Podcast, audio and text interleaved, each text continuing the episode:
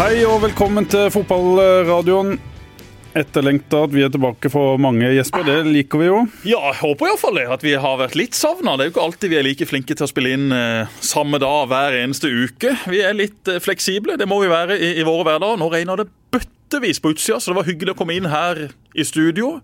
I natt så ble altså Trump smitta av koronaviruset, så nå eh, skjer det ting rundt forbi i eh, den store verden. Men vi skal ikke snakke om det, da. Vi driver ikke et politisk eh, kvarter. Det er det andre i denne avisa som tar seg av. Vi skal snakke om idrett, vi skal snakke om sport, fotball, og ikke minst da idrettsklubben Start, som går inn i en ekstremt viktig fase.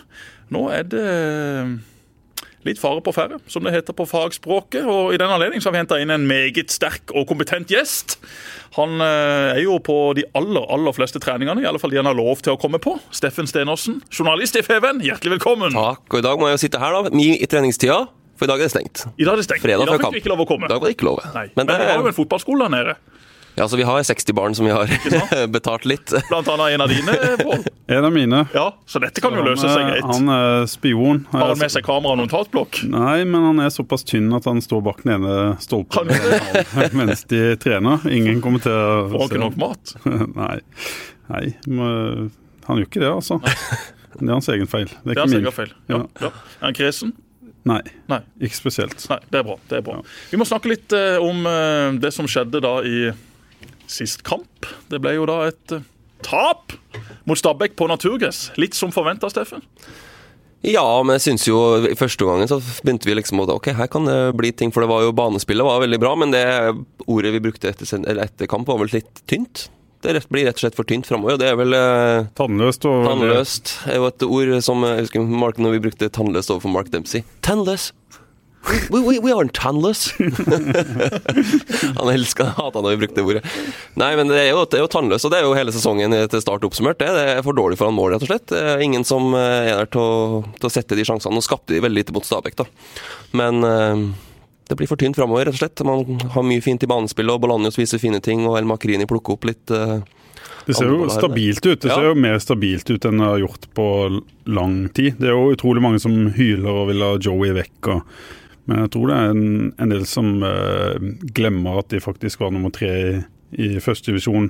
Veldig langt unna de to andre lagene. Som Ja, og så glemmer folk at Start i 2020 har et svakere lag enn de hadde i 2019. Mm. Damien Love han er borte. Ingen har erstatta han. Jesper Daland eh, har for så vidt vært eh, solid og god han i mange kamper, men han er ikke noe Damien Love enda. Og så har du mista Aron Sigurdarsson, som var den store kreative kraften offensivt. I tillegg så har du i år ikke hatt en spiss som har levert noe som helst. Så Start har et svakere lag i år. Det må ikke folk glemme, som du sier, Pål. Og de ble tross alt nummer tre i fjorårets sesong. Så eh, målet må jo hele tida ha vært å holde seg. Det har Start fortsatt muligheten til. Men det begynner vel å se litt skummelt ut med tanke på en sikker plass.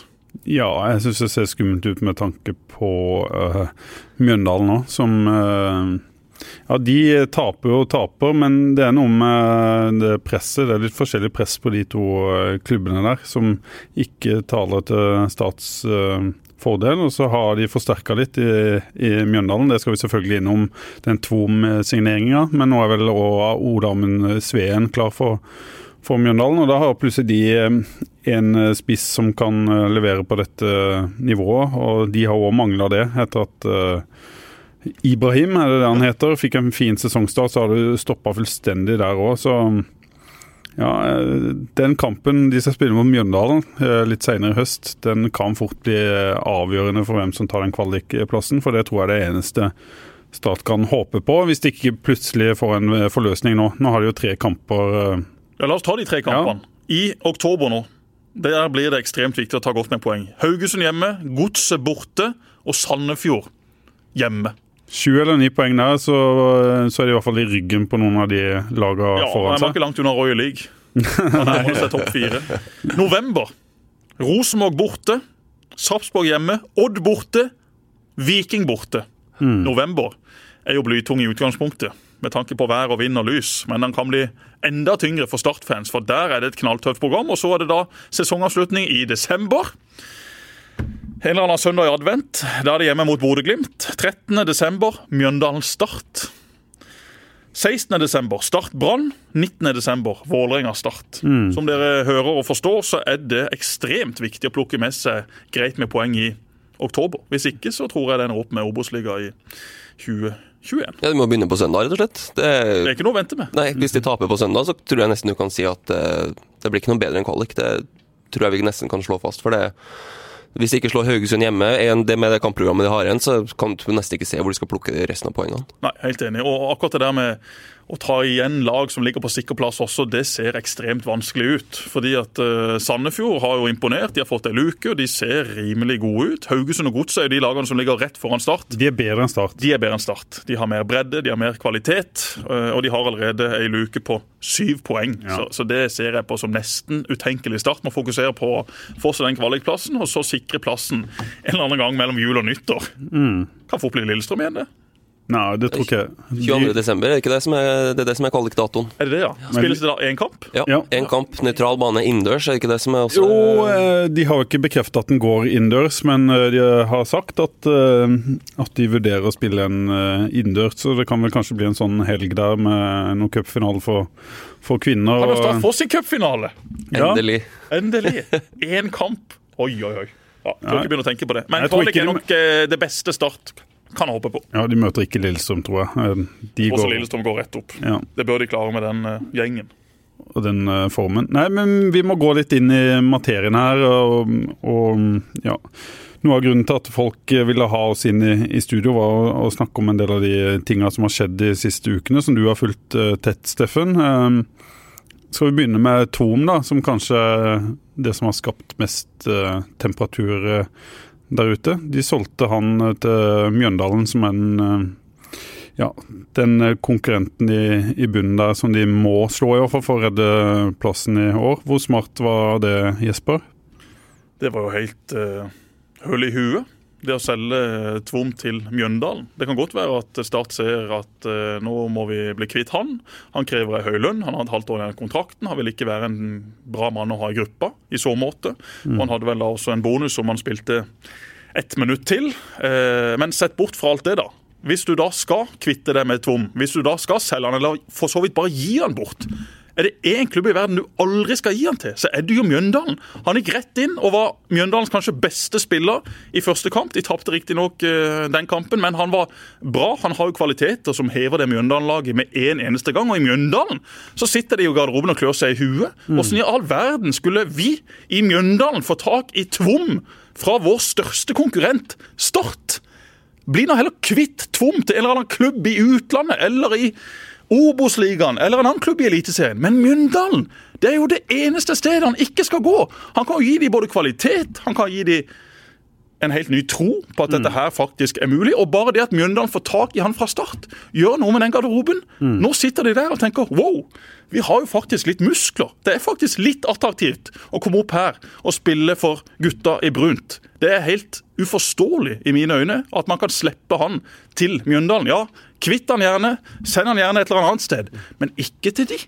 Nei, det har jo vært det, Jeg ble jo litt overraska at det kom så mye reaksjoner på det her. Og det, men det har jo ingenting med at liksom Isaac Toom er solgt fra start. Men det handler jo som du sier Hadde man solgt Isaac Toom til Sandnes Ulf eller til Tromsø eller til en, en hvilken som helst annen klubb, egentlig men det, er er vi enige om det at, det at de kvitter seg med han, og klausuler og det er noen gamle agenter og sikkert en del som ligger i den Toom-avtalen, er i utgangspunktet greit, men at det er det at han går til Mjøndalen som Ja, Når det kommer det til dette punktet, så er det for så vidt greit, men den kontrakten burde jo vært fornya for lenge siden. Han sa vel et intervju med dere for x antall uker eller måneder siden at han ikke hadde hørt noe fra start.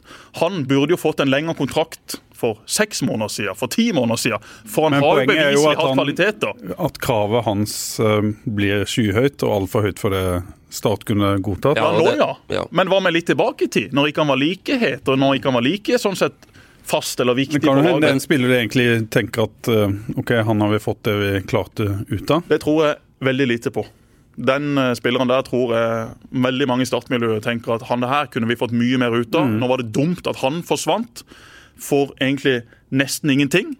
Du tapte jo egentlig penger på han, i og med at du da sendte han til Mjøndalen. Og det samme må de jo ha tenkt med Aremu, som heller ikke fikk en fornyelse av kontrakten på riktig tidspunkt. Det Kan godt være det er her ting som ikke vi vet, at kravene har vært sinnssykt høye.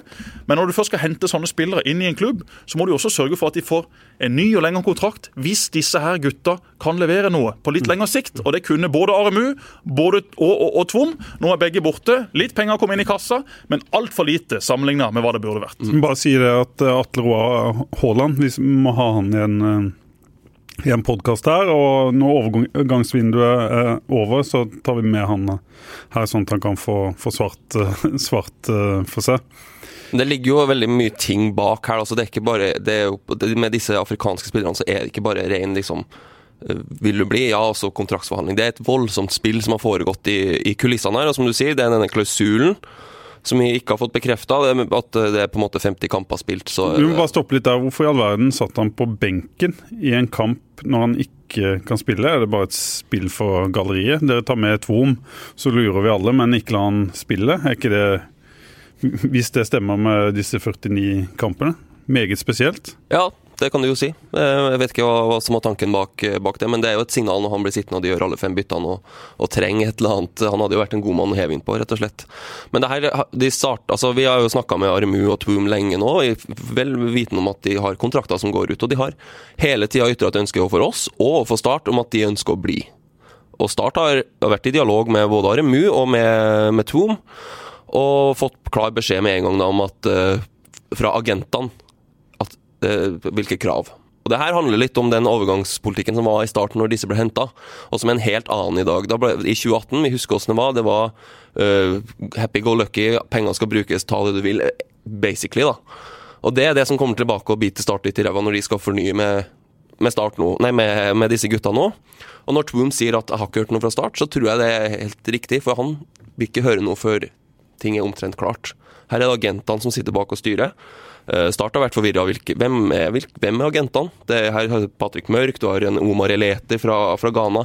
Det er et voldsomt sammensurium av roller, av eh, ting og tang. Det er klausuler i avtaler som Og flere som skal ha penger? Flere som skal ha penger. Og det er litt sånn, det her er noe Start har ønska å, å, komme seg ut av, da, rett og slett. At det, det har jeg snakka med flere i, i miljøet som sier at det her er agenter og avtaler som Start vil ut av, for de har en helt ny politikk på gang.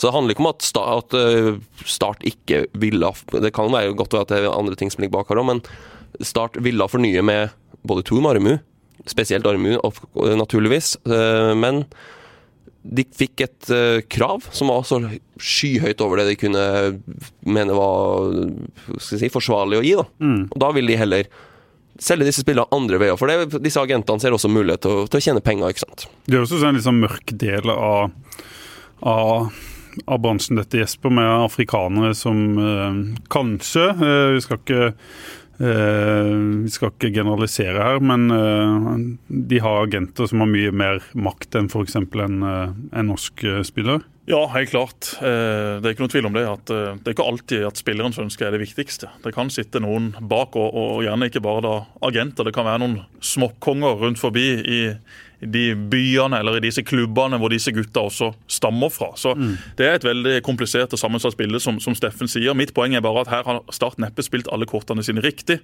For mm. jeg tror jo fortsatt at det hadde vært mulig å forlenge med både Tvom og Aremu. Selv om de koster litt penger, så er dette unge spillere med ei framtid. El Makrini og Bolanjos. Det er ikke sånn at de koster null kroner. Bolanjos kommer ikke her for knapper og glansbilder.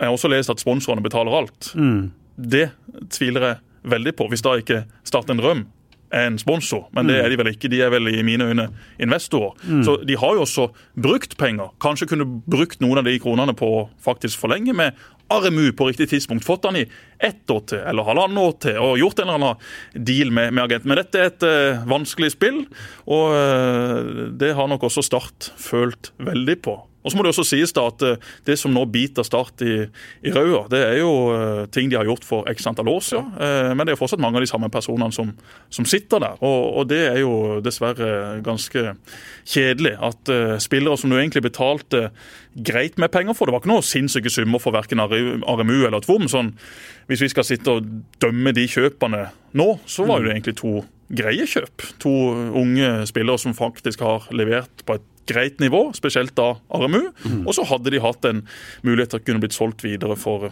x antall kroner i framtida. Det viktigste poenget her er uansett Start måtte jo aldri solgt Tvom til Mjøndalen. Nei. Men så handler det om agenter som har som du sier, sett at de kan komme til start og tjene masse penger. Eh, spesielt da i den 2018-sesongen. Og som når de kommer tilbake nå og får et Nei, vi har ikke mer penger, vi har ikke, vi har ikke mulighet. Da OK, hva, hva, skjer her, liksom? Det er ikke det Start vi har forhandla med tidligere. og så fører det at man ser andre veier. og som, altså Hvis man hadde hatt masse tilbud på Isak Thun, så hadde ikke han endt opp i Mjøndalen. Det, mest sannsynlig så var Mjøndalen det eneste tilbudet han hadde. Det, og det mener jeg er mest eh, kritikk til Start. da, Måten de igjen ikke klarer å løfte spillere opp på et nivå som de kanskje har inne. Det syns jeg er, er, det mest kritikkverdige sett eh, fra, fra utsida. som det handler ikke om avtaler eller, eller, penger, men her er det åpenbart eh, talenter. Det har det vært i, i Start i mange år, som er i klubben. Men så tar de på en måte ikke de stega som de fort tar eh, andre, andre plasser. Eh, Babakar Sar f.eks. er jo en, en sånn en, uh, type. og Det samme kan jo skje med Tvom nå, at han, at han får et løft. Han så ut som en en, på en måte en ny spiller i Mjøndalen som kommer inn med selvtillit og som har mye mer pondus i det han gjør. Men som ser litt engstelig ut når han uh, spilte i startakt. Det syns jeg kjennetegner på en måte en klubben. og så er det så vanskelig å peke på hvorfor, hvorfor er det sånn, men sånn har det vært i mange år, uh, Jesper? Ja, det har dessverre det. Uh, og dette er jo også et spill og et game som de gutta som sitter med dette i Start, må lære seg. Nå er jo Lillejord i i bildet her. og Start har jo også forlenget han eh, fordi at de mener det er et strålende samarbeid som har båret eh, fantastisk eh, store og flotte frukter. Eh, det, må de, det, må jo de, gjerne mene, men, men, ser du på det som har skjedd på spillerlogistikksida i år, så er det jo ikke sånn at det har vært eventyrlig. Det har jo vært enkelte ting som har vært bra, og så har det vært enkelte ting som du rett og slett undres mm. veldig over. Og Det er vanskelig å forhandle med agenter fra andre land og fra andre kontinenter, og som har et helt annet syn på, på, både det ene og det andre. Men det er jo noen andre klubber som klarer det. Det er noen andre klubber som klarer å hente utenlandske spillere som er relativt unge, som klarer å utvikle de, og som klarer å forlenge kontrakt, og så selge de på riktig tidspunkt. Der ligger jo Starts mulighet til å få denne klubben i balanse og i pluss osv. osv. Det å hente spillere, det er jo én ting, det er viktig. Men det å få solgt de videre for en riktig sum er jo minst like viktig. Se bare på Sarpsborg nå, som vipper av gårde. Bang, bang. Mm. Så har de inn greit med penger. Bodø-Glimt er jo en egen liga fordi at de har mange unge lokale spillere. Det må jo også være håpet til Start en eller annen gang, men akkurat nå så er jo Start milevis unna å få til noe sånt. Da er det nok denne spillerlogistikksida som er den største og enkleste muligheten. Men handler det om uh, stats, at de går opp og ned og ligger i nedrykksstriden? At de på en måte ikke kommer seg på på sikker plass. Er det det det handler om til slutt med, når det gjelder kvalitet da, på, på spillerne? Det handler også om å sikre seg disse spillerne som man kan se at man kan tjene penger på fremover i tid på lang kontrakt. og Det ser man jo en liten endring i nå. Jesper Daland er nå på til 2023. Mikael Ugland 2023. Vel Andri Tryggvason også, som er skada nå, da. men at det kanskje kan være et lite signal på at de ser nå at vi må, vi må faktisk ha Være litt tidligere ute? Være litt tidligere ute. Kanskje akkurat nå så fortjener han kanskje ikke en kontrakt i 2023, men vi ser at det her kan bli et eller annet. Mm. Og så kan det kanskje koste oss litt ekstra akkurat nå, men på lang sikt så kan vi tjene, tjene det godt inn. da. Mm. For det som de har holdt på med nå, er jo bare vi har jo de har jo hatt Hver sommer så har vi skrevet saker om sju-åtte spillere på kontrakt med et halvt år igjen. Det er jo en uholdbar situasjon, rett og slett, der spillerne har all makt og kan gjøre akkurat som de vil, og klubben sitter igjen med null og niks. Sammen med Jesper Daland, der gjør jo startet veldig bra. Og der gjør det også helt riktig. Jesper mm. Daland er i ferd med å få sitt gjennombrudd. Bang! Ny mm. kontrakt på bordet, høyere lønn. Han er happy, Start er happy. Han kan selge som et år eller to for x antall millioner kroner. Hvis han da bare fortsetter den fine utviklinga si. Det er jo måten å gjøre det på. Men du ser jo også med Mathias Rasmussen. Ja, her har Start snakka med agenter. Eh, de har prøvd seg på klubben, og de har fått beskjed om at Start Du må være på Mathias? Selvfølgelig må de det. Ja, det er kanskje ikke sånn at alle i Start skal mase på Mathias. Men ser Mikael Dorsin og Markus Henriksen. Send han en melding! Hvordan går det, Mathias? Ring oss hvis du savner Sørlandet, hvis du savner Start. Jeg har snakka masse med Mathias mm. og spurt han har du hørt noe fra Start. Nei, han har ikke hørt noe personlig. Så kanskje da agenten stopper det fordi han ser at Start er ikke riktig mulighet nå.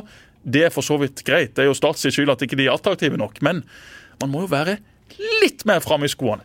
En liten melding på Facebook, en liten poke på Facebook. Et eller annet. Bare vis hei, vi er her, vi følger med på det. Og hvis du trenger å spille fotball igjen, kom til Kristiansand. Mm. Det blir spennende å følge han i Bergen, da. Det stakk litt, det hos uh, ja, det var jo, enkelte.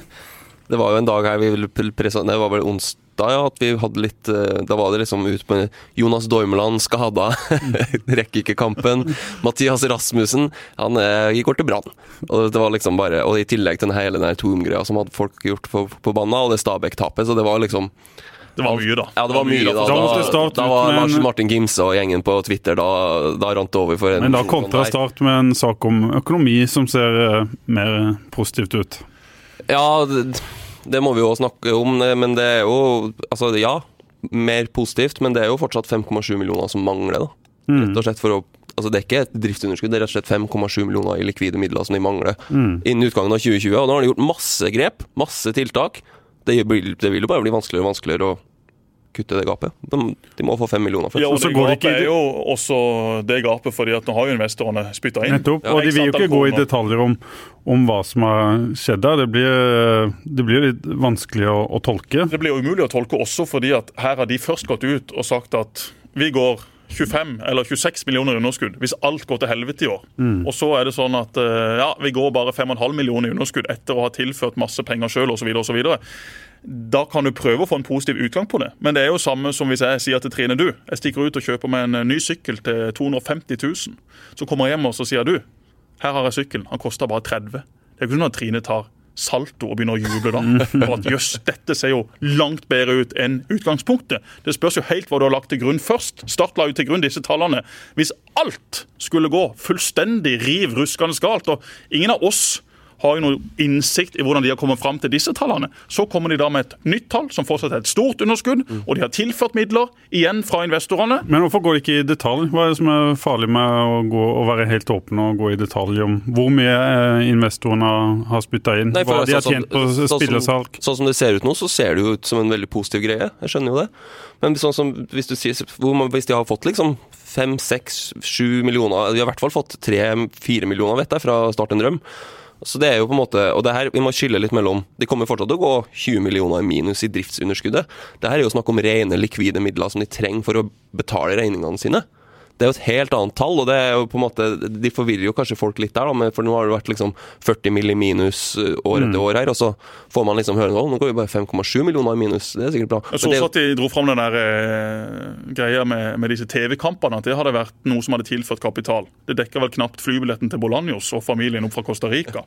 Så, så de prøver å selge inn ting som ikke helt har rot i virkeligheten. Eh, og det er litt farlig, for du må ikke tro at alle som leser dette her, er så eh, uendelig positive og naive at de tar altfor god fisk. Det kan godt være at de burde vært enda mer konkrete og rett og slett sagt at du, vi er fortsatt i, i økonomiske problemer, men vi føler iallfall sjøl at vi har gjort disse grepene. Eh, og så var nok det anslaget vi først kom med, fullstendig riv ruskende galt. Og bare for å avslutte den med Mathias også, da, før vi går videre på andre ting. Der syns jeg faktisk de som sitter der i, i Start i dag, de hadde ikke så mye å, å gjøre. Altså Her har de snakka med klubb, de har snakka med agent. Eh, Mathias og agent har sikkert sagt at OK, Start de ligger sånn på vippen til å spille Eliteserie eller Obos. Jeg vil reise til en litt større klubb, og det kan jeg for så vidt forstå på Mathias også. Han har vært i Start, ble solgt til utlandet. Han er fortsatt en ung spiller, kommer helt sikkert til å spille Start igjen en gang, men akkurat nå så, så skjønner jeg at han valgte som han gjorde, i en, i en større klubb med større muligheter og med med ei høyere lønn. Så får vi bare håpe at han kommer tilbake igjen til Sørlandet en, en vakker da. Han var jo ganske klar i intervjuet, jeg snakka med han på onsdag. Han var, var han jo ganske klar på at om Start hadde vært veldig på, så hadde han nok ikke kommet til Start uansett, med den situasjonen som Start er i. Så man, Start kunne vel kanskje prøvd hardere, ja, men det spørs om det hadde hjulpet helt. Ja. Det kommer vel et langskudd på Sparebanken Sør Arena da, i november, var det da de skulle møte Ja, så kommer Brann. vel et brassespark fra Tvom Ja, borte mot Mjøndalen ja, ja. i det 92. minutt. 2-1. Det er bare å glede seg Det til, var- til det for alle Mjøndalens supportere. Og eh, den kampen der blir jo, den blir jo skummel. Mm. Sånn som tabellen ser ut nå. Vi har jo hatt bataljer før mot Mjøndalen. Vi husker jo all denne kampen på Sparebanken Sør Arena, hvor Daniel Aase dro ei dragning på streken og fikk lurt inn et mål. Da var det ufattelig mye svake prestasjoner fra Start og Mjøndalen det siste halve året. Men Start klarte å få den kvalikplassen før de da enkelt spaserte seg forbi Jerv. Men eh, det blir skummelt. Og Mjøndalen eh, Start det er rimelig åpent sånn som det ser ut nå, med tanke på kampprogram og forsterkninger osv. Men nå må Start sette opp et lag som kan kjempe, Steffen. Vi har snakka litt om det på jobb her, at de har jo de har muligheter til å gjøre noen ting nå sette opp et lag som, eh, som kan ta mer poeng enn det de gjør. Har de vært litt snille med Markovic, med Ugland? Gått litt utover Børufsen? Er det nå liksom Børufsen, Ramsland? Er det Schulz, Makrini? Skal Børufsen inn på midtbanen der? Skal det Kabran ut til venstre? Må de ikke på en måte sette opp, det litt opp. Ja.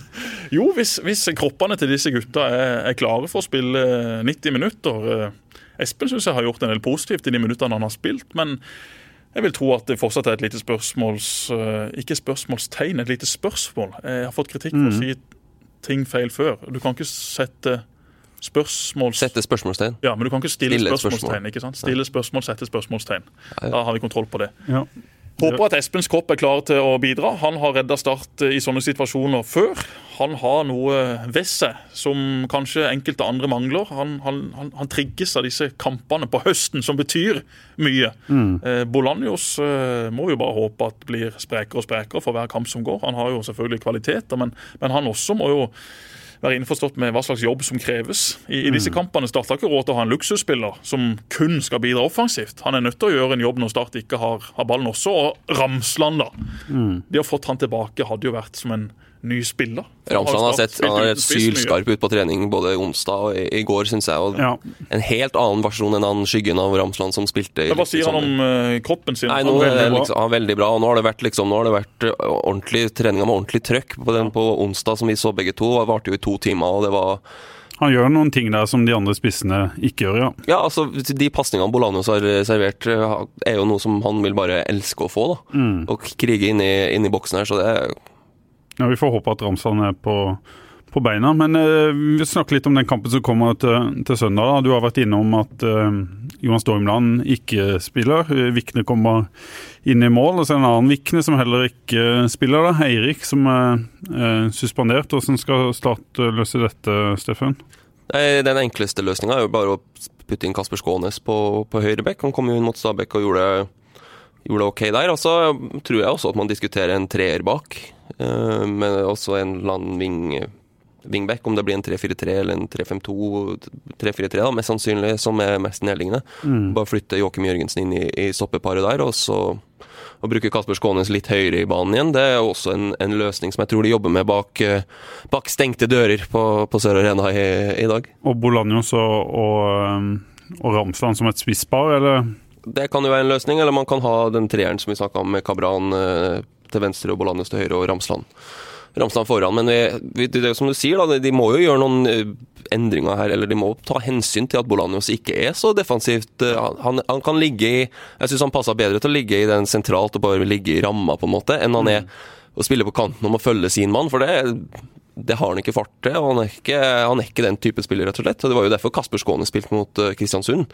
For de trengte en som kunne følge der. Og det så vi jo tendenser også til den kampen, at det ble rom bak eh, Bolanjos. Men med ball så er han i egen eh, klasse. Så Ja, Han bommer jo ikke på pasninga. Han treffer jo på, det er bare å se på tallene hans. Han treffer jo på omtrent alt han, han foretar seg. Er det, er det Ramsland som blir fort nøkkelen her igjen, Jesper? Han ble det i fjor. Ja, det tror jeg så absolutt. Eh, Start har eh, En ting er at ikke de har hatt en spiss som, som hamrer inn mål, men, men hele spissplassen har jo vært eh, utrolig fattig. Det har vært uh, null å være redd for for motstanderen. Ett mål fra spissplass i Ja. 2020. Og det, det gjør jo noe med de du møter også. Da vet de at ok, vi kan sånn sett stå høyere, vi kan stå én mot én her bak. Eh, Vi trenger ikke være redd for at han skal finne på noe vilt på egen hånd. Mens når du får en mann som Ramsland inn i boksen, så er det jo han de vil se på med en gang. Og hvis du da klarer å ha noen løp rundt han, så vil de da gjerne være fri. Ramsland har også en tilstedeværelse, ikke bare i kraft av det han gjorde mot Lillestrøm, men rett og slett i kraft av å være en, en sånn type spiller som Start ikke har.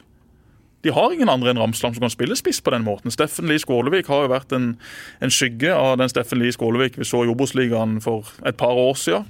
Kevin Kabran har spilt spiss uten å være spiss. En god fotballspiller, men er jo heller ikke en sånn utprega spiss i, i dette systemet. Og Start har jo ganske mange folk som kommer i en del greie innleggsposisjoner. Men det er jo ikke noe vits å slå innleggene hvis ikke du har folk der inne som kan få gjort noe med dem. Så, så det at Ramsland er tilbake i i slag, det er jo veldig gledelig å høre da, for alle som er glad i Start. og Det gir jo et, det gir jo et håp her for ja, Nå har Mjøndalen fått tak i Ola Mundsveen, men han har jo heller ikke spilt så veldig mange minutter Nei. fotball i år.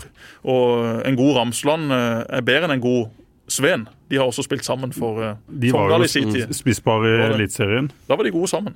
Da løp de. De jaga der oppe på campus. De to også. Kjols også litt i bakkant der. Så eh, nei da. Jeg syns jo Start egentlig, når du setter opp en, en, eh, en topp av elver nå, så har Start et lag som fint kan klare en kvalikplass. Problemet er jo at Mjøndalen også ser litt forsterka ut. Og som du sa, de har litt mindre press på seg. Mjøndalen tror jeg liker litt mer å være i, i denne situasjonen. Og Ålesund de kan vi sette en strek over, eller må vi regne med de i og med at uh, Mjøndalen og Start har så få poeng som de, de gjør? De har blitt mer stabile, i hvert fall. Uh, Ja, de har. Ja, de har jo det, men de hadde jo eh, egentlig fortjent å vinne mot Rosenborg. Eh, den kampen de, de tapte sist. Da fikk de annullert ei skåring som eh, skulle vært skåring. Da hadde de gått opp i 2-1 med ikke så veldig mange minutter igjen å spille. Så eh, Ålesund har Kristiansund hjemme nå. De har Stabæk borte, de har Odd hjemme, og så har de Haugesund borte.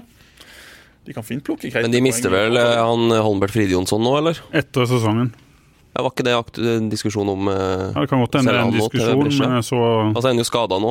ja. Ja, Han fikk seg en stygg skade mot Sarpsborg. Jeg leste også i går i VG at Niklas Castro var tatt ut på Chiles landslag. Noen da ikke var. Det var feil informasjon. sånn er det. Så kan, det kan gå. Castro er jo en god spiller. Fridjonsson var også en meget god spiller på dette nivået. Heldigvis for Start sin del så, så ble han skada, for å si det sånn. Det er jo ikke sånn at vi skal glede oss over skader, men eh, sånn sånn er livet. Så hadde han vært frisk sammen med Castro, så hadde jeg frykta det litt. Men ja, hvis, hvis Ålesund kommer opp og forbi, ja, da er det bare å ryke rett ned i både Obos og Post Nord. Men tenk på økonomien i det her. altså Vi snakker om press. Tenk på økonomien til Start hvis de rykker ned i førstedivisjon. Mm. Da snakker vi altså 15 mill. enda mer i minus. Hva, hva gjør man da? Hvor skal man hente de pengene fra når man mangler 5,7 allerede nå? Det er jo da, man, da trenger man jo for det første avhengig av at disse investorene sitter og, og spytter inn penger, og så må de hente penger fra andre siden. De må kutte spillere, de må selge de viktigste spillerne. Det kan, være Ja, det jo- det kan jo være definerende. Det er jo et spøkelse som, som lurer i gangene ja. Virkelig. Absolutt. det hjelper ikke å ha håper jeg, kutta det antatte underskuddet med x antall millioner hvis det kommer et nedrykk på toppen av dette her. Da er det veldig interessant å se. Ta eksempelet Jesper Daland. da. Han Ja. vil jo ikke spille i Obos-ligaen neste år, og vil helt sikkert være aktuell for eh, ja, topp åtte-lag i Eliteserien. Vålerenga, Jeg Molde, regner med at Jesper Daland har Rosenborg. forhandla fram en klausul i sin kontrakt som sier at hvis han er med på et nedrykk, så kan han gå for den og den summen. Det hadde i alle fall jeg gjort hvis jeg var Jesper Daland på nåværende tidspunkt. Så, så vet jeg ikke om det er fremforhandla, men eh, det ville i alle fall vært naturlig sett fra hans ståsted. For han kan ikke drive og rote rundt i Obos når han har fått sitt gjennombrudd i Eliteserien. Men fra en midtstopper til en annen. Det er jo noen som sitter her og håper på at Ayer blir, blir eh, solgt. Jesper, du prater jo med Kristoffer. Eh, kan du si noe om, om status der? Eh, nå gikk det jo til Europaligaen i går, da. Fikk vel inn litt ekstra penger, men eh, jeg tror eh, ikke de kommer til enighet med Celtic. Jeg tror Celtic krever for mye, og Milan er ikke villig til å betale det nå. Det har vært ei usikker tid for sånne klubber også. Det er ikke sånn at de bare kan hive ut penger. Da henta de Jens Petter Hauge, det var over 50 millioner. Men det kommer ikke plutselig en Premier League-klubb her på, på tampen og legger penger i, i boet? Nei, jeg tror ikke det. Eh, ikke basert på hva jeg har sånn sett snakka med, med Ayer om. Vi har ikke snakka så mye om akkurat det. Eh, men jeg tror nok han hadde sagt noe hvis det var noe som var veldig nært. Det håper jeg i alle fall at min gode venn der borte i Glasgow hadde gjort. Men nå er det jo også sånn at Celtic hvis de vinner ligaen i år, så tar de en eller annen rekord fra Rangers. Mm. Og Antall seriemesterskap på rad. Er det ti, eller noe sånt? Ja. beklager at jeg ikke vet det. Men den sesongen som kommer i Skottland, den kommer også til å bli enormt viktig. Rangers har jo sagt at de vil heller vinne ligaen i år og gå konkurs enn at Celtic skal vinne den. Altså Der, der ligger det. Det er jo ganske mye hat i den byen mellom eh, Celtic og Rangers. Og eh, jeg tror ikke det er noe sånn brennhast for, for Ayer heller å, å reise.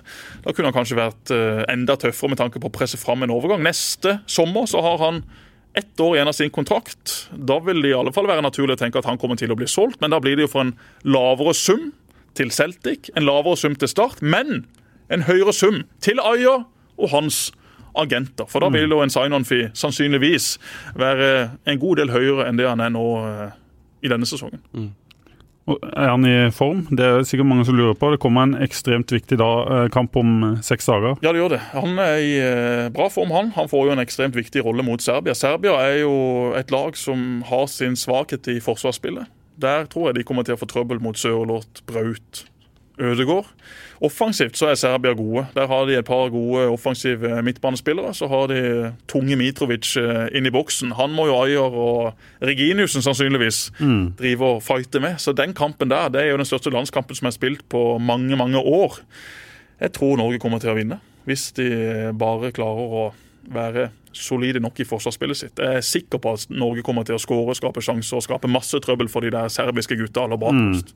Men, uh, Men Det høres ut som laget er litt uh, like, at de har litt samme utfordringer. Ja, de har egentlig det. Norge er jo også bedre offensivt enn det de er defensivt. Det har vi jo sett uh, i alle fall nå i de, i de siste kampene. Nord-Irland var jo en fest. Sørloth og Braut kommer jo til å starte på topp etter den kampen. og ja, det er ikke lett å stoppe de to gutta. De har masse selvtillit og, og kraft i kroppen. Og så blir det jo hyling da inn mot kampen, Steffen, på Jens Petter Hauge, som har gått eh, til Milan. Og venstrekantplass på Norge har jo på en måte ja, det har bare vært eh, ofte en sentral midtbanespiller som har blitt flytta ut. Elionossi har, har spilt der og var OK sist mot eh, Nord-Irland, men nå er det tellende kamp. Kan også vil du ha Hauge rett inn? Ja, gjerne for min del. Altså, for det jeg har sett fra de venstrekantene på landslaget. Men nå er det altså så gøy med landslaget og med norske spillere i utlandet at det er helt Alle opplevde opplevd det. Sitte på en lørdag og switche mellom eh, Leipzig-kamp og Borussia Dortmund, liksom, for å se på Haaland og, og, og disse. Og nå Milan må vi jo selvfølgelig få med oss. Det er så utrolig kult å glede seg til å se landslaget spille kamp igjen. at det Men vi får ikke Hauge Jesper med Lagerbäck. Det er null prosent sjanse. Ja. Mm. Da må eh, Ødegaard, Moe, Stefan Johansen rett og slett eh, bli syke og ikke være med i den kamptroppen. Stefan Johansen har jo fått en del kritikk. Han har spilt mye kant. Sist mot Nord-Irland så var han en av Norges beste spillere. Han kommer ikke Da til å spille spilte han i høyrekant. Da spilte han høyrekant. Han kommer ikke til å spille med to offensive kanter. Nei. Martin Ødegaard kommer fra tierposisjon i Real Madrid. Hvis han er frisk, Han spiller. så må jo han spille. Han kommer da til å spille på høyrekanten. Og da tipper jeg at Stefan Johansen spiller på den venstre. Og så blir det alle sami som skal hjelpe Johansen med å skape ting offensivt. Jeg tror aldri han kommer til å starte med to kanter som f.eks. Ødegård og Moe eller Ødegård og Hauge. Det kommer til å være en litt forsiktig tilnærming. Men Moe er vel OK på- defensivt, er han ikke det? Er ikke det noe han eh, får eh, Absolutt, men han har ikke spilt ett minutt for Norges. A-landslag. Og at Lagerbäck da skal hive han inn i elveren, det gjør i alle fall ikke den svensken. Det kan godt være at noen Han spilte jo. Nord-Irland, da. Ja. Han skåra jo et uh, Moi. Og jeg syns du sa Hauge. Nei. Oh, ja. Ja, ja. ja, Moi kan være en aktuell startkandidat. Mm. Det kan han. Men eh, jeg tror ikke han går med eh, Ødegaard og Moi. Det tror Jeg jeg, blir rett og slett for offensivt. For han har to offensive backer også. Stefan Johansen spilte seg i alle fall ikke ut av noe lag med den kampen han leverte mot Nord-Irland. Derfor tror jeg han kommer til å starte. Og så starter vel Berger Henriksen sentralt. Og så Omar og Haitam, Sørloth og Braut, Jarstein i mål. Jeg tror vi har elveren. Ja. Ayer og Reginussen. Ja. Men har alle, de- sami, alle sami Meling, da? Er det, Meling har ikke sjanse til å komme på det laget? eller? Nei, ikke Jo, altså, han har jo en sjanse, Ja, ja. men eh, alle Sami har jo spilt de siste kampene. Og, og han tror jeg Lagerbäck er rimelig fornøyd med. Så tror jeg Meling hadde gjort en minst like god jobb, men jeg tror ikke han bytter på den posisjonen. Men det, har, eh, det er ikke ofte vi har eh, Joshua King, eh, Hauge på benken. Det begynner å se rimelig fett ut nå. Ja, det kan bli en veldig morsom tid for norsk landslagsfotball. Eh, Men hvis man ikke kommer seg forbi Serbia, da, så er det VM neste. Og VM er jo langt tøffere å komme seg inn i enn et EM. Så da kan det fort være at både EM og så VM går uten Norges deltakelse. Da er det veldig lenge til neste EM. Ikke så lenge til. da. Nei da. Et mindre år enn normalt. Ja. Det er det. Men allikevel, allikevel, det er, det er jo ikke sånn at det norske laget bare kan spasere seg inn i noe sluttspill. Eh, neste EM bør de jo i alle fall klare å kunne komme seg inn. inn i. kan jo ta en. VM-gruppe òg, men De vil jo få større sjanse. Er det de gruppene Da skal, trukket? de, da skal de vinne. Ja. Det Og skal der får de vel fort Spania eller eller du får en eller annen kanon i gruppa. Ja. Ja. Men, men. Alt er mulig. Alt er mulig. Ja. Men jeg tror ikke at VM er så veldig lett å komme seg med i. Vil du sende Det hilsen til Norge, Jesper? Til Norge? Til Norge? Ja, det kan jeg godt gjøre. Eh, Det blir EM-deltakelse på oss. Vi slår Serbia, og så slår vi Skottland. Grunnen til at jeg sier det, er jo denne TV 2-reporteren som har vært i, Stemmer, stemmer, stemmer. i eh, Milano, som har ja. Ja, Hun har Ja, med om en hilsen hjem til Norge et par ganger nå. Ja. Da var Ole Amund Sveen god når han signerte for Mjøndalen der. også. Altså. Jeg tror ikke noen møter opp meg på, på flyplassen og ber meg sende hilsen nordover. Men tenk deg Jens Petter Hauge I 2018 så spilte han for eh, Ålesund, og vel gjerne også litt for Ålesund 2. Så var det 2019. Da spilte han åtte eller ni kamper fra start for Bodø-Glimt. Så solgte Bodø-Glimt Evjen for 25 millioner. Så solgte de Lajoni for 15 millioner. Så var da Hauge et av de nye førstevalgene. Så leverer han bare en praktsesong, og så en praktkamp i Milano, og så bang! Solgt for 50 millioner. Skal sitte i garderoben sammen med Zlatan. Blir ringt av Paolo Maldini. Det er klart, Du takker ikke nei til Maldini, enten du er gutt eller jente. Du takker aldri nei til Maldini. nei, nei. Da kan Kjetil Knutsen være Kjetil Knutsen. Ja, ja, ja. Kjetil Knutsen kan være Kjetil Knutsen, da. Det har du helt rett i. Men for et eventyr. Og det er jo den muligheten en klubb som Start også kan få en gang i framtida. Hvis man er flink til å utvikle lokale, unge spillere, gir de sjansen på et A-lag som fungerer godt, og så da bare hive de ut i Europa Men for en haug millioner. system som uh, funker. Hva er det Bodø-Glimt? Hvilken, uh, hvilken nøkkel er det de har funnet i et uh, skap? Ja, si det. Skulle ønske det fantes flere sånne nøkler, men Kjetil Knutsen, Åsmund Bjørkan Han Ørjan Berg er jo en del av det. Ørjan Berg, ja, men han kompanjongen også til Kjetil Knutsen får jo mye ros. Nå husker jeg ikke navnet på han, men uh, som han da også hadde med seg ja, i, i teamet sitt. Eh, De har et sterkt team. De har fått jobbe eh, med dette systemet i lang lang tid. De har vært flinke til å finne typer som fungerer. De har mista viktige brikker. Bare hive inn en ny spiller i samme posisjon med litt av de samme Det er mange som mener at nøkkelen ligger i utviklingsavdelinga der. Soleklart. Og der har de mange flinke folk eh, også. Eh, Og så er det jo selvfølgelig også noen tilfeldigheter her. Eh, men Bodø-Glimt har jobba godt over lang tid. Du ser også det på Stabæk litt på en annen måte. Men de også har jo fått solgt spillere for eh, veldig mange millioner kroner. Eh, Der ligger jo muligheten, ikke bare for norske klubber, men også for en del i utlandet. Den klubben som eh, Christian Thorsvedt ble henta til, Genk, Genk.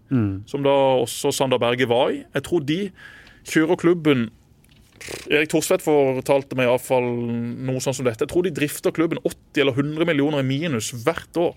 Hvis du tar bort alt med spillersalg.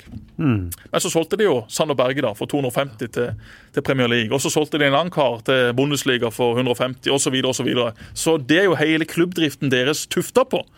Det håper jeg også kan være tilfellet i Start etter hvert. At Start blir så flinke til å utdanne gode fotballspillere. Selge de på riktig tidspunkt til riktig klubb. Da kan du begynne å snakke. Men er det skjedd et eller annet med norsk eh, fotball her? Nå ser vi jo uh, Tyrkia er jo uh, Det virker som de bare ser på norske kamper for tida. Men, men skjer det noe med totalen norsk eh, fotball når Haaland går til Dortmund, når Hauge går til Milan? Når, hvis landslaget nå får seg et, eh, et løft, gagner det på en måte alt og alle? Ja, det kan det ikke være noen tvil om. eh, Nei, du, du får jo et, altså når, du, når du ser at norske spillere lykkes, det er akkurat sånn som det var på 90-tallet. Den engelske klubber henta norske spillere i en masse, det er for at de, de lykkes jo. Da vil de jo se, selvfølgelig se til så Når Alexander Sørloth har hamra inn 30 mål i Tyrkia, så vil jo de se etter nye norske spisser. Derfor har Ankara Gucci henta Torgeir Børven og signert han med en helt ellevill video. Enorm video. Enorm. Enorm video. De er gode på det i Tyrkia. De er gode på å hente spillere, og på sånne overgangsvideoer der er de enormt Jeg tror også det gjør noe med de norske spillerne.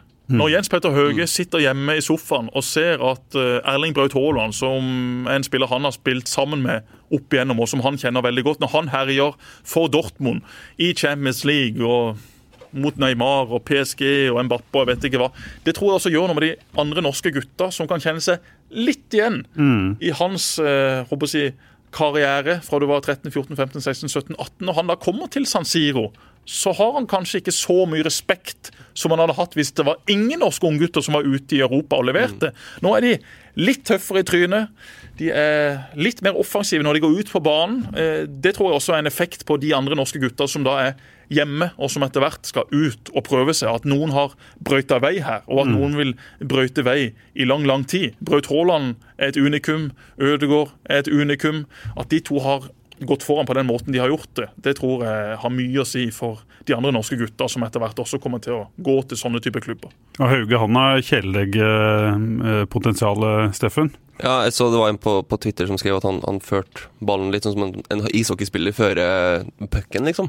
Enorm sånn nærteknikk når han eh, og Det fikk du jo se på, på San Siro, og det er jo så klart hvis han klarer å levere noe Måten han passerte Tonali på der i det 90. minutt var Eller Frank Kessi, som på en måte bare så ut som uh, Boateng mot Messi for et par år siden, hvis du husker. Bare rett på, på ræva, liksom, når han møtte Jens Petter Hauge fra, fra Bodø. Det er jo Og så har du Braut Haaland, som møter Bayern München. Én målgivende, én skåring, og burde jo skåre ett til når han bare Han hadde vel alt skåra ett til hvis, hvis han hadde blitt på banen. Ja da, han hadde nok det, men han hadde jo en gigantisk sjanse der etter at det ble 2-2. Så, uh, Så han enda litt sterkere ut og enda litt raskere ut nå enn det han gjorde i bedre og fjor. bedre for hver kamp. Ja. Det er jo ikke til å tro. Når du ser han begynner å galoppere. Ja.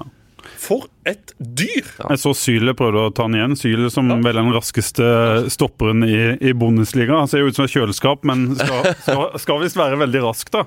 Og de, Nå fikk han en lite forsprang, eh, Haaland, men hadde jo ballen. Og det ble jo fra to meter til ti meter i løpet av to sekunder. Helt rått. å Ja, se det er så på. rått å se på. Og tenk deg neste sommer, når han da kan forlate Borussia Dortmund med denne her klausulen sin. Mm. Da skal penger på bordet. Da snakker vi ikke om 2, 3, 4, 5, 6, 7, 800 millioner. Da bikker vi fort milliarden. Mm. Hvor går han? Ja, si det. Hvilke klubber skal du gå til hvis du er for god for eh, Borussia Dortmund? Da må du gå til en av de klubber? aller største i England. Liverpool, Mm. City, United. Eller Barcelona eller Real? Han hadde, Juventus? vært, han hadde passa enormt i Premier League, da. Med den Ja, han er- han ender nok opp i Ja, ja, klart Han hadde jo herja overalt, det er ikke noe tvil om det. Jeg så The Guardian hadde jo sånn Én stjernespiller trakk ut fra hver Champions League-gruppe. Da trakk de fram Erling Braut Haaland. Fra, Ikke sant? det sier litt om Ja. Fra Sancho til United så kommer Haaland etter neste år. Det er vel eh, det masterplan til Solskjær, men det, det går vel ikke. Nei, det spørs. Eh, Da må jo også United heve seg litt eh, sportslig. De kan Mm. ikke drive og rote rundt som de gjorde i fjor, og som de for så vidt ser ut til å kunne gjøre i år også. Det er langt opp til de, til de to beste.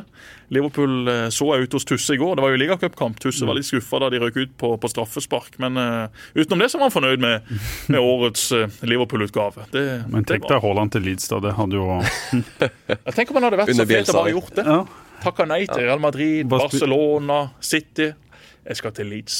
Jeg skal ha et par år i Leeds nå. ja. Da hadde du blitt helt. Da hadde du blitt uh, helt. Men vi snakka jo om, om Bodø-Glimt. Jeg syns jo det er interessant å trekke paralleller til start. da Det er jo to år siden de var på Aspmyra og, og, og vant 2-1. Og Elliot Kjekk hamra inn et vanvittig eh, langskudd der, liksom. Og så to år etterpå så taper man 6-0, eller ja, 6-0 igjen. Altså det verste Jeg har sett Start bli mye overkjørt, men det er det verste av det verste jeg har sett.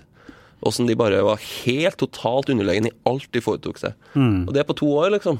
Og Det sier litt om hvor mye spillelogistikk har å si. De har solgt spillere for masse penger, og har klart å hente inn de riktige typene til å passe inn i laget. Start henta masse gode spillere isolert sett, spiller for spiller i 2018, men de henta jo 15 stykk. Åtte av dem var offensive midtbanespillere som ikke passa inn, og så betaler de fortsatt for det. Det sier litt om hvor mye en god klubbdrift har å, å si, og hvor langt det kan komme på ganske kort tid. Da. Ja, særlig det siste. Det må være håpet til de som sitter der ute, og vi som følger klubben. Og som du har vært med på, Jesper, det er jo eh, Ting kan snu ekstremt fort i fotball. Fra start 2004 til 2005, eller de åra der da de var midten av tabellen i 2003, Ja. og tar sølv i Eliteserien i i 2005, så finnes jo eh, Ja, ja, ja, håp hvis, det kan, å, å rulle, hvis en snøball begynner å rulle. Dette her kan snu fort, men eh, jeg tror dessverre at det må skje ganske store ting i klubben for at det skal snu. Eh, jeg tror det må byttes ut eh, en del eh, personer som, som er sentrale i klubben i dag. Og, og uten at det skjer, så tror jeg ikke Start kommer til å komme noen vei. Hvis det skjer, så kan det godt være at det kommer til å skje ting. Og det var jo det, var jo det som skjedde tidlig 2000-tall, når, når x antall folk forsvant. Men når du sier bytte ut i klubben, hva vil du konkretisere det, da? Ja, jeg ville bytta ut en god del av de som sitter med, med mye ansvar i, i klubben i dag. Jeg trenger for så vidt ikke navngi folk, men det er ikke noe tvil om at jeg er sterkt kritisk til, til mange av de tingene som, som blir gjort. Eh, jeg savner en, en god del ting i klubben i eh, 2020. Jeg syns klubben Vil du ha ny trener? Nei, eh, jeg tror ikke det er der eh, slaget står. Eh, For Start nå så er Joey en, eh, en fin mann å ha. Han eh, Vil du ha investor i Start? Alle vil vel ha eh, mange nye kroner på konto, eh, men de finnes ikke. De har Start prøvd å finne i, i lang lang tid. De har jakta de i en årrekke. Så kom det en gjeng rekende på ei fjøl som kom med masse penger, som kom med masse pågangsmot, eh, og som har gjort mange ting. Noe av det har vært bra, mye av det har vært rart. De har fått mye kritikk, men det ingen kan ta fra dem, at de kom nå i alle fall med sine egne sparepenger. Fordi at eh, de hadde stor tro på dette. De elsker Start, og de elsker fortsatt Start. Eh, Det skal de ha all mulig honnør for. Men måten det er blitt gjort på, eh, det er jo de fleste ganske sterkt uenig i. Og det tror jeg ikke kun folk sitter og sier nå. Jeg tror nok mange har rynka på nesa her underveis i denne prosessen. Så jeg savner akkurat nå noen som virkelig reiser seg opp og stiller spørsmål med hva i all verden skal Start gjøre. F.eks. nå, hvis det blir et nedrykk. Hvordan er klubben skodd for å møte de utfordringene som, som da vil komme? Det kan godt være at alt dette her er på plass i klubben, men sånn som jeg kjenner klubben, og jeg tror jeg kjenner den klubben rimelig godt, så er det mange, mange store utfordringer som jeg ikke tror den nåværende gjengen på Sparebanken Sør Arena kommer til å klare å løse. Men vil noen andre klare det, da? Ja, hvis du hadde stabla sammen en, eh, en annen gjeng eh, som kunne komme inn der med, med friskt mot og med nye øyne og med ny gnist og motivasjon, så tror jeg du hadde hatt muligheten til å opparbeide deg en ny tillit blant folket, blant sponsorene, i Fotball-Norge. Eh, veien fram dit eh, er jo veldig lang. Jeg tror ikke det kommer til å være sånn at eh, mange personer kommer til å bli bytta ut. Men det tror jeg må skje på et eller annet tidspunkt for at Start igjen skal bli en, en klubb å regne med på øvre halvdel i norsk fotball. Ja, for det er jo ikke så mye som har endra seg. altså Vi snakker om at det har blitt nye ledere, og sånn, men det er jo fortsatt de samme folkene som sitter der, stort sett, da, som satt der i, i 2018, som, da det gikk som, som, som verst. Du har jo gjort noen klare Ja, retnings, leder, retningsforandringer på, på sport. da. Ja, det har gjort noen klare retningsforhandlinger. Jeg mener at det ser bedre ut nå enn det har gjort på en god stund rent eh, driftsmessig også, men det er jo fortsatt veldig mange av de samme som sitter og har, som, som Jesper sier. Nå er Langland ute, men Robin Reed har jo fortsatt Han har jo ikke sittet og sett på og bare spytta inn penger der de hadde trengt det. Han har jo vært med og tatt disse avgjørelsene. Frode Fagerli, Kjetil Aasen, de er jo fortsatt med. Og det er de som har pengene, og det er de som til syvende og, slutt, til syvende og sist har avgjørelsene her. Så det er jo fortsatt de samme folkene, og så har du fått inn en ny sportsleder. leder. McConnicker sitter der og har en, en administrativ rolle. Så ja. Men trenger de på en måte én sterk eh, mann øverst der? Er det det de savner, Jesper? Er det det på en måte du Ja, jeg savner i alle fall at det er en som er Start. Hvis du spør nå rundt forbi i Fotball-Norge hvem er Start, jo, det er, det er Myggen, det. Mm. men Myggen har ikke noen fremtredende rolle i Start. Eh, han er jo sånn sett langt bak i, i køen, og, og er jo ikke en type som heller vil dyttes opp og fram. Eh, Even eh, Bransdal var jo mista Start. Han fronta Start i tykt og tynt. Han tok sine fighter. Even gjorde masse bra. Han gjorde også sine feil, men han var i alle fall en, en, en person med en aura og med en standing. En kompis her, det må jo sies. ja da, men uh, ganske god kompis med mange i Start. Så, uh, og jeg ble, jeg ble god kompis med, med Even gjennom, gjennom min tid i Start. eh, og det er ikke derfor jeg sier dette. Dette hadde jeg sagt uansett, for Even hadde noe ved seg. Det savner jeg i Start i dag. At noen som har noe ved seg, står fram og snakker med autoritet, med troverdighet, som sier noe folk kan forstå, og som de har tro på. Even hadde det knalltøft med tanke på økonomi. Det har også dagens gjeng i klubben, så det er utfordrende, det er vanskelig. Det er ufattelig mye enklere å sitte på utsida sånn som vi gjør nå, og drive og kritisere og hive opp løsninger og si at ja, men det burde blitt gjort bedre, og det burde blitt gjort bedre. Men jeg savner at Start i 2020 er en sjarmerende klubb, en morsom klubb. I mine øyne så er det så ufattelig grått og trist og kjipt at hvem i all verden som sitter der nede nå, skal skape noe engasjement som folk på Markens eller på Slettheia, Tinnheia eller Gimlekollen skal tro på. Det savner jeg. Ditt navn kommer jo ofte opp da, når noen skal, skal foreslå navn. Ja, jeg kommer sikkert til å jobbe i Start en eller annen gang i framtida, eh, men det kommer jeg ikke til å gjøre eh, de neste åra. Hva med deg, Steffen? Jobbe det er bare å ringe. Ja, men det er også sånn, ja, folk hiver opp om det er mitt navn eller andre sitt navn, og tror at alt skal løse seg med ett navn eller to navn. Nei, jeg tror det må skje enda større ting. Jeg tror det må en total endring på plass. Ikke bare med personer, men hvordan, hvordan blir klubben oppfatta rundt forbi? Det er ikke Start som skal evaluere Start. Det er andre som skal evaluere Start. Hvis du er i tvil om hvordan Start blir oppfatta utad, ja, ring rundt til litt forskjellige folk, da. Ikke driv og lag din egen rapport. Et eksempel, Stig Lillejord som sier jeg ser overhodet ikke noe problem at det fortsetter i start. Eller at det er overhodet ikke noe problem. Men så er det jo et problem fordi alle andre syns det er et problem. Fikk jeg sagt Jeg har snakka med masse agenter som har et stort problem med at Stig Lillejord sitter i Start Nettopp. og har såpass kontroll på ting og tang som skjer. Ja, Atle Roar Haaland er sportslig leder, og det er sikkert han som bestemmer sammen med enkelte andre. Men Stig Lillejord har da kontor på Sparebanken Sør Arena.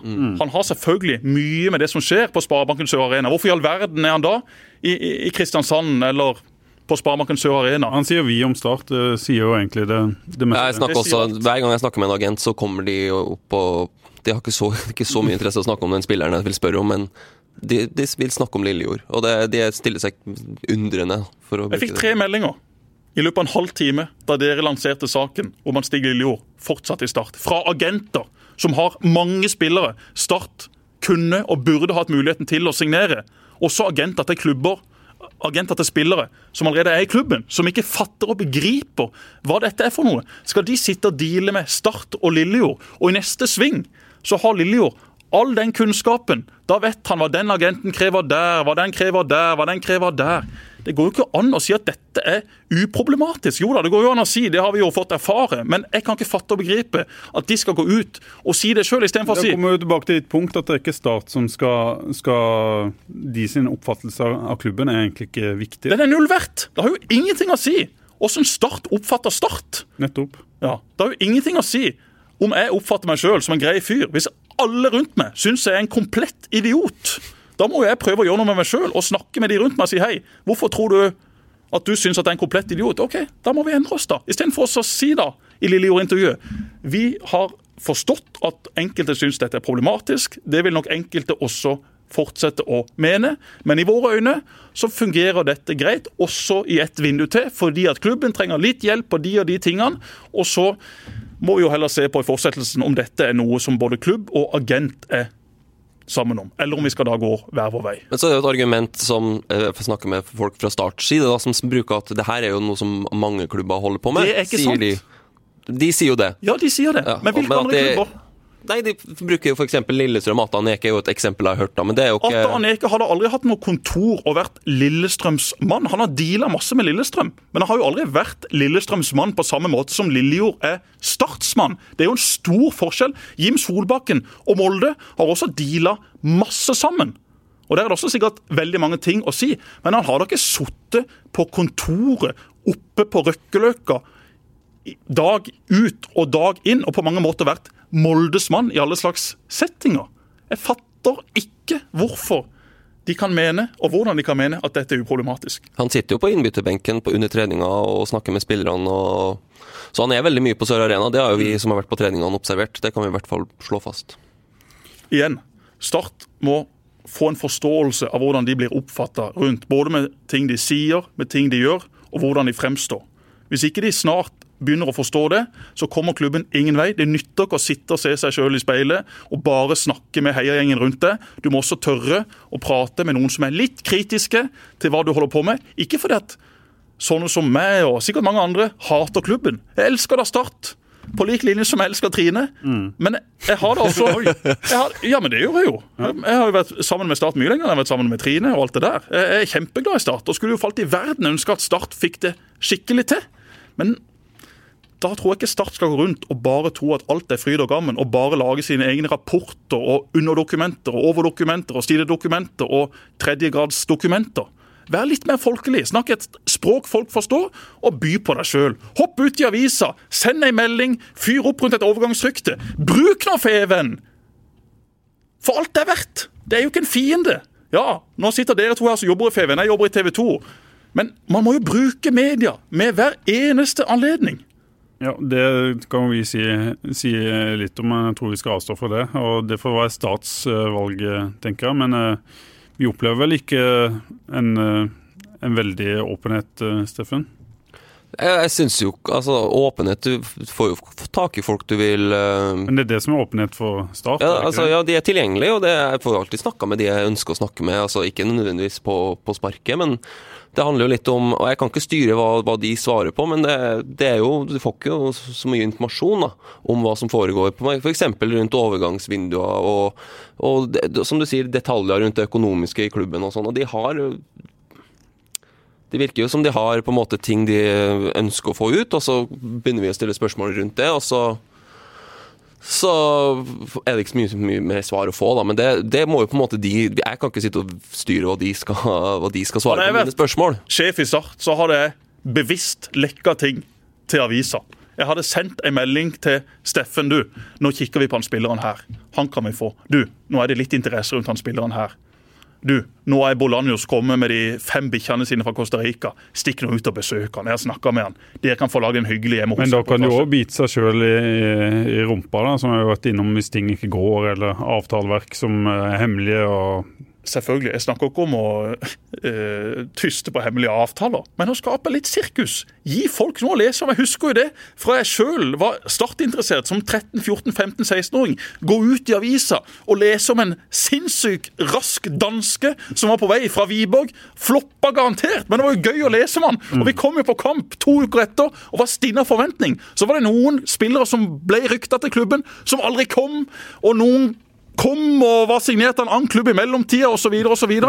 Men det var jo iallfall gøy. Det er jo sånn du skaper interesse. Hvis du skal lukke klubben ned totalt og komme med noen sånne ferdigskrevet intervjuer rundt status på ditt eller datt, det er jo ikke det folk vil ha. Folk vil ha brød og sirkus. Se på Vipers og Terje Markussen. Hvorfor har de fått det til? Jo, fordi at i håndball så kreves det veldig mye mindre penger enn det de gjør i fotball. Det er nå én ting. Men de har jo vært beste klassen når vi snakker om håndball, til å skape brød og sirkus. Terje Markussen går ut og sier vi skal vinne Champions League. Ja vel, sier folk. Lykke til med det. Og nå har de nesten vunnet Champions League. Nå har de signert Nora Mørk, Heidi Løke. De har jo et verdensklasselag fordi at de har turt å by på seg sjøl.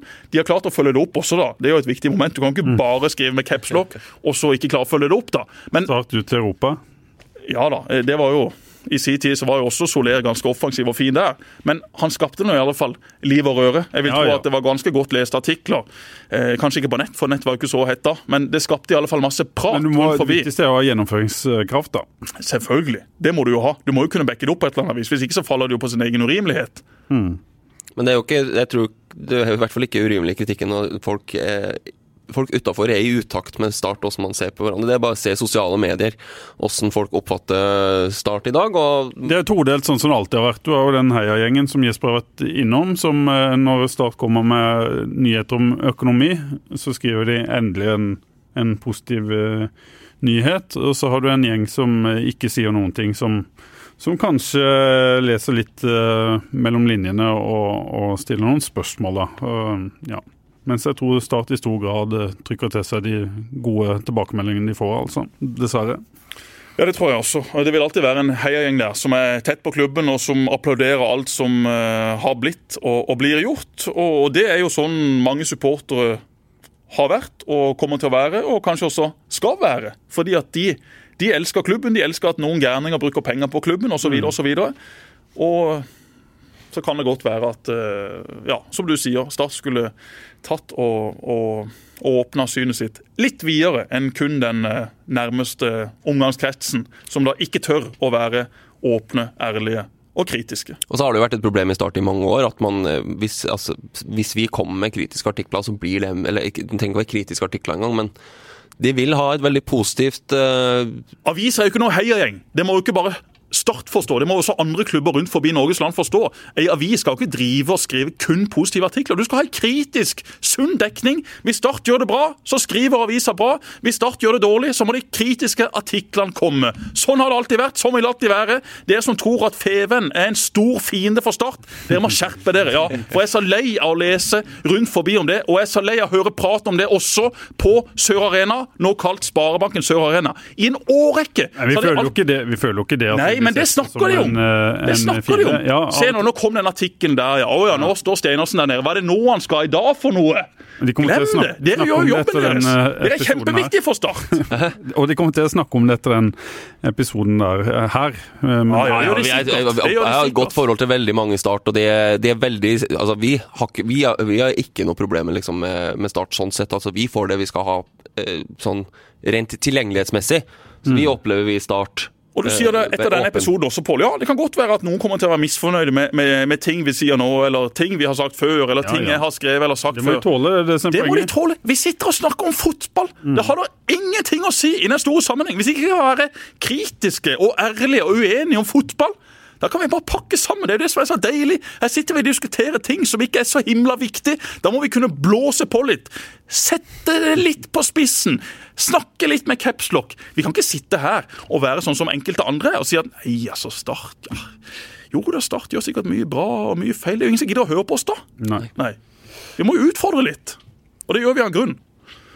Så er spørsmålet om Start har de personene innad da, som pirker og tenker gjør vi ting riktig, eller, eller jobber de på, på, på sånn som de alltid har gjort? Og, og på en måte, Vi må ha noen som rører i gryta. Det trenger jo alle arbeidsplasser alle miljø, egentlig.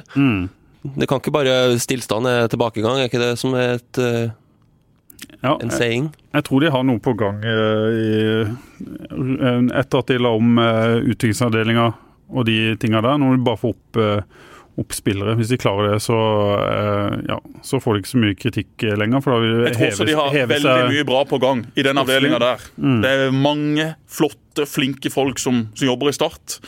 Men uh, det er noe som ikke stemmer blant uh, de som på papiret sitter helt på topp. Jeg lurer, jeg lurer på og tenker på må det liksom en restart til igjen. da, Og så er det så vondt å, å tenke den tanken, for det er jo det som har- skjedd hver gang.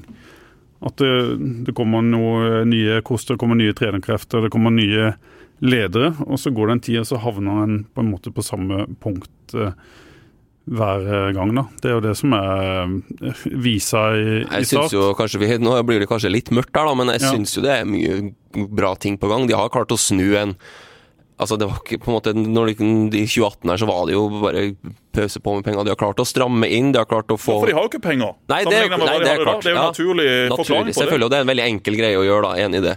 Men den overgangspolitikken de har lagt om til òg, altså de overgangene de har gjort siden i fjor sommer, da. Altså, det, det ikke, De har ikke truffet hver gang, men de har gjort ok fornuftige Helt vurderinger. helt enig. Martin Ramsland, Erik Schultze, eh, Eman Markovic. De har ikke vist seg altså, Erik Schultze har jo vært en suksess, kan du Mm. si, ja, men det har ikke liksom vært veldig gode spillere nødvendigvis. Men det, det er fornuftig, det er gjennomtenkt. De har henta spillere som de trenger, Ja, og som har en profil. Jesper Daland, ikke sant. Det var jo en, en suksess. Det, det, det, er jo ikke sånn at eh, det som skjedde i 2017 og 2018 eh, Se nå litt bort fra det, da. Det var en annen tid med andre økonomiske muskler.